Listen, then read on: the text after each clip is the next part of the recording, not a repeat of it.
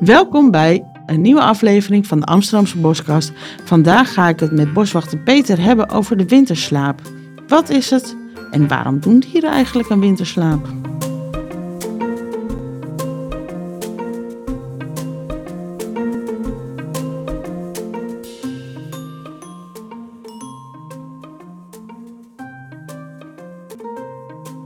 Nou, we zijn vandaag, Peter, in het eh, schitterend mooie herfstbos. Zeker, allemaal mooie kleuren. Met allemaal mooie kleuren. En als ik buiten loop in de herfst, dan moet ik altijd denken aan winterslaap en winterrust. Ja, Kan jij mij nou uitleggen wat daar het verschil tussen is? ja, dat kan ik, want eh, je hebt inderdaad dieren die een winterslaap houden. Maar ook dieren die een winterrust houden. En winterrust is eh, nou ja, eigenlijk wel heel anders dan een winterslaap. Je moet het zo zien dat eh, in de winter dan willen dieren graag wat minder energie gebruiken. Omdat er ook eh, veel minder eh, eten beschikbaar is. Dan heb je sommige dieren die gaan in winterslaap. Dus die gaan echt slapen. En er zijn eh, diersoorten zeg maar die, als je kijkt naar de energieomzet in het lichaam. Als je dan vergelijkt met van de zomer, dan hebben sommige diersoorten in een winterslaap gebruiken ze maar 1 honderdste van het energieniveau wat ze in de zomer gebruiken. Een honderdste. Ja, 1% Dus dat is eigenlijk dat ze helemaal stil liggen. Ja.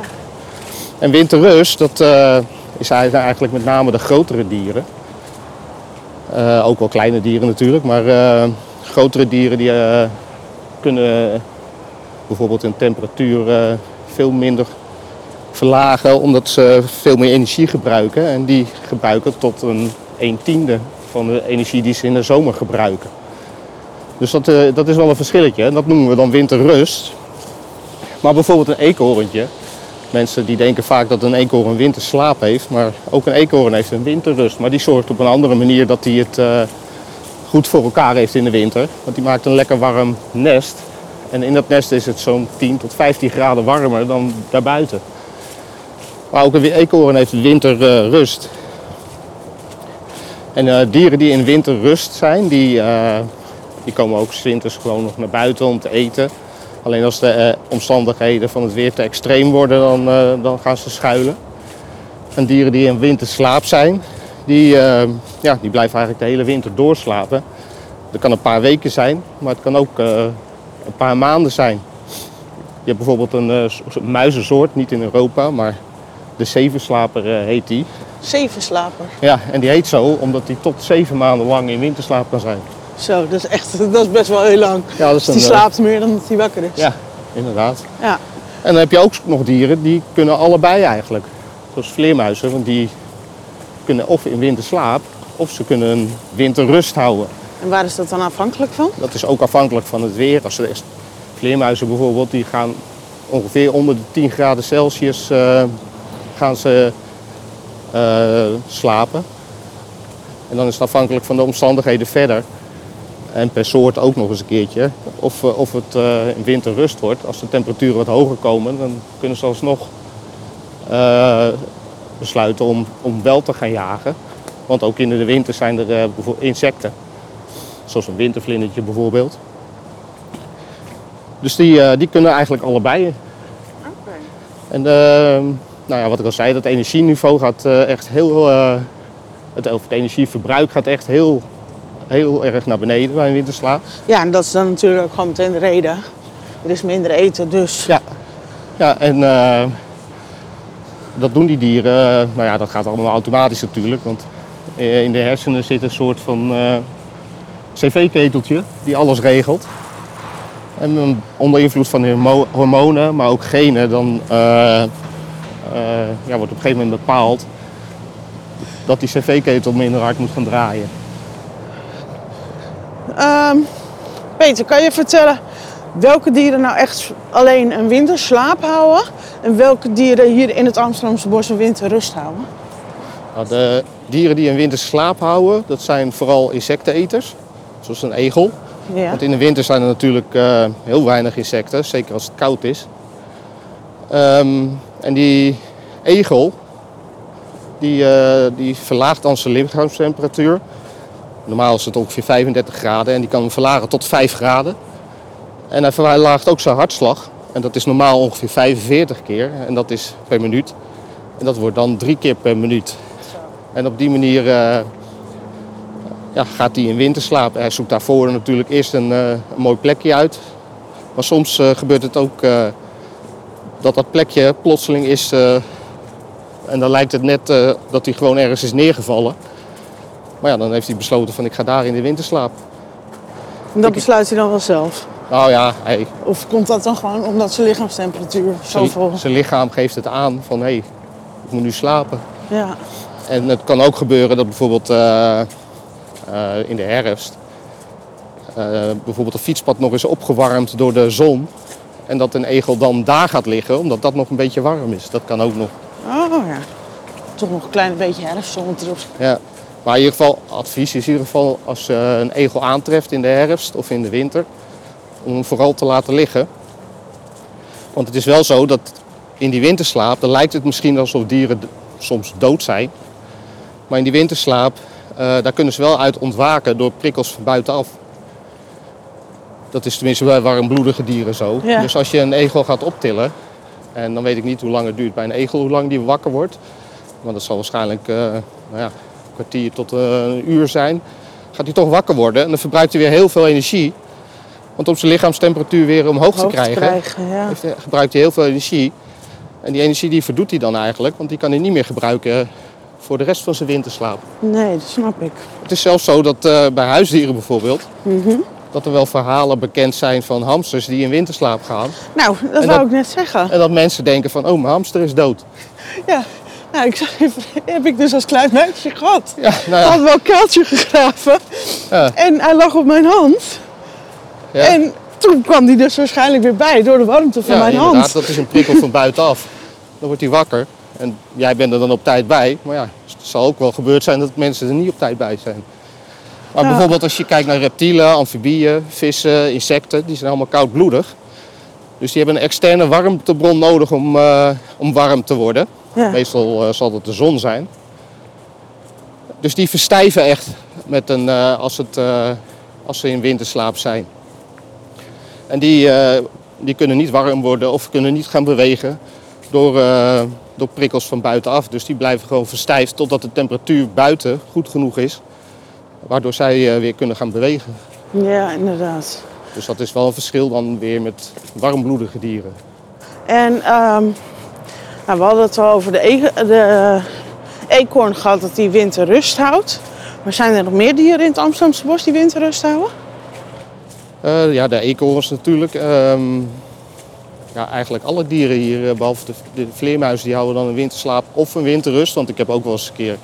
Maar bijvoorbeeld ook de vos. Nee, de vos die blijft gewoon wakker. Oké. En je hebt de boommarters en de steenmarters, die blijven allemaal wel wakker. En die zullen bij extreem weer gaan schuilen. Maar die, eh, die zijn nog wel in staat om hun eh, eten te zoeken in, een, in het bos.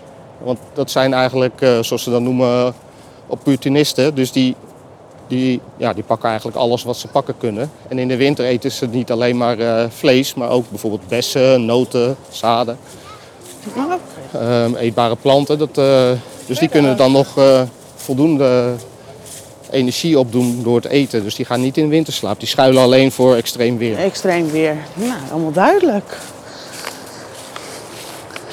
Wat gebeurt er als een, eh, een dier nou gestoord wordt? Want we hadden het er net al over. nou, Die, e die egel die wordt wakker. Ja, die wordt wakker. Die, Of die eh, vleermuis. ja. En dan? ja, die wordt wakker. Die, eh, ja, wat ik net al zei eigenlijk. Hè, die, die, die, die, die gaat zijn lichaamstemperatuur omhoog brengen. Omdat hij moet reageren op, eh, op iets. Ehm, en dat kost heel veel energie. En daarna zal zo'n dier een ander, plek, plekje gaan zoeken. En ook dat kost heel veel energie. Het is bijvoorbeeld met vleermuizen ook wel eens gebeurd dat ze gestoord werden. Eh, nou ja, wakker worden en, en een andere plek gaan zoeken. Maar dat eh, buiten zo koud is dat ze alsnog bevriezen. Dus dat, eh, de, de, gevolgen van de verstoring kunnen best wel groot zijn. Ja, nou, dat is helemaal duidelijk. En eh, nou ja, met insecten bijvoorbeeld heb je de eh, bepaalde voor de soorten vlinders, citroenvlinder bijvoorbeeld of een dagpauwoog. Die eh, overwinteren als vlinder en niet als, als pop of als rups. En bij de citroenvlinder, die kan je als het warmer wordt, wat ik net al zei, dan als hij een plekje heeft waar de, waar de zon op schijnt, dan kan hij op een warme nawinterdag kan hij al ontwaken. En dan kan je ook nog wel eens een keer een citroenvlinder zien vliegen. Maar het grappige aan die vlinder is dat hij in eh, zuidelijke landen heeft hij bijvoorbeeld weer een zomerrust in plaats van een winterrust. Dus als het daar droog is en eh, heel warm, dan gaat hij ook in een soort van slaap. Alleen dan eh, voor de zomer, zeg maar, voor de droogte. Oké, zijn er meer dieren die dat doen? Ja, er zijn best wel veel dieren die dat doen, maar niet in Nederland. In Nederland zijn het eigenlijk, voor zover ik weet in ieder geval, alleen maar slakken die dat doen.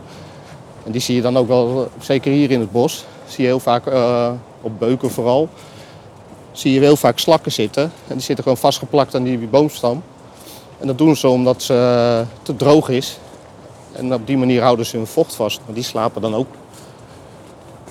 Dus dat, eh, en, en voor de rest zijn er in woestijnen en andere warme gebieden heb je meer dieren die dat op die manier oplossen. Ook zoogdieren. Oké, grappig. Peter, kunnen we zelf nog iets doen om eh, dieren in de winter te helpen? Ja, dat kunnen we zeker. Ehm, er zijn al heel veel mensen die dieren helpen natuurlijk. Voor, eh, nou ja, de laatste jaren zijn vooral insecten onder de aandacht gebracht. Dat mensen eh, bloemen mensen zaaien of waardplanten neerzetten voor vlinders. Maar eigenlijk is het net zo belangrijk om te zorgen dat, dat de larven, poppen of vlinders zelf in de winter ook kunnen eh, overwinteren. Dus ehm, nou ja, als je je tuin altijd netjes opruimt en geen bladeren laat liggen, dan, eh, dan hebben insecten sowieso al eh, niet heel veel kans om daar te overwinteren. Dus ja, ik zou zeggen, laat eens een keer een hoop bladeren in een hoek liggen of zet zo'n insectenhotel neer.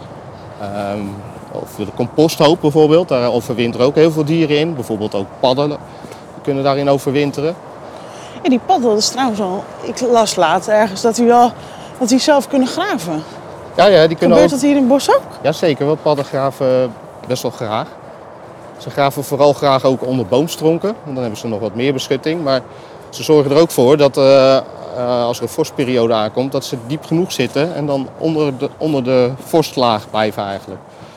Dus dat, eh, kijk, en... dat is ook weer, kijk, als je het tuin helemaal bestraat en geen zand hebt, ja, dan, dan, dan heb je ook weer minder kans dat dieren daar, zich daar kunnen vestigen. Ik had vorig jaar bijvoorbeeld, dat was niet helemaal eh, mijn bedoeling, maar de natuur dacht er anders over. Ehm, ik was in de tuin bezig en ik had een stuk zand, had ik een zeil over gelegd om te voorkomen dat ik kattenbak werd. Maar toen ik op een gegeven moment, nou, twee weken later ging kijken, toen zat daar dus een egel onder. Die had daar een heel nest gemaakt. Ja, ik ben het als boswachter natuurlijk niet te beroerd om dat dan eh, even de winter te laten liggen. Dus dat heb ik gedaan en eh, nou, in het voorjaar was die egel weg en toen ben ik pas verder gegaan. Maar dan Ja. gebruik- dan, dan, dat was alleen maar een bouwzuil wat er lag. Dus Ja, en daar dat ma- is dan daar wordt al gebruik van gemaakt. Ja. Nou, superleuk om te Dus, weten. eh, en je hebt ook natuurlijk eh, van die egelhuisjes zeg maar, waar ze in kunnen overwinteren. Dat hebben ook best wel veel mensen in de tuin staan. Maar ja, dan is het wel van belang dat ze niet gestoord worden natuurlijk. Ja, dus niet, geen diertjes verstoren in de winter. Dat is Niet als het eigenlijk niet de hoofdmoot. nee. Nee. Nou, Peter, dank je wel weer. Ja. En eh, Tot de we volgende spreken keer weer. elkaar snel. Hoi. Hoi. Bedankt voor het luisteren naar de Amsterdamse Boscast. Heb je nou nog een vraag over het Amsterdamse bos? Dan kan je deze vraag stellen via de Boswinkelmail. Deboswinkel.amsterdam.nl Vermeld wel even in de titel Boscast, dan weten we dat de vraag van jou is en wie weet behandelen we hem in de volgende Amsterdamse Boscast.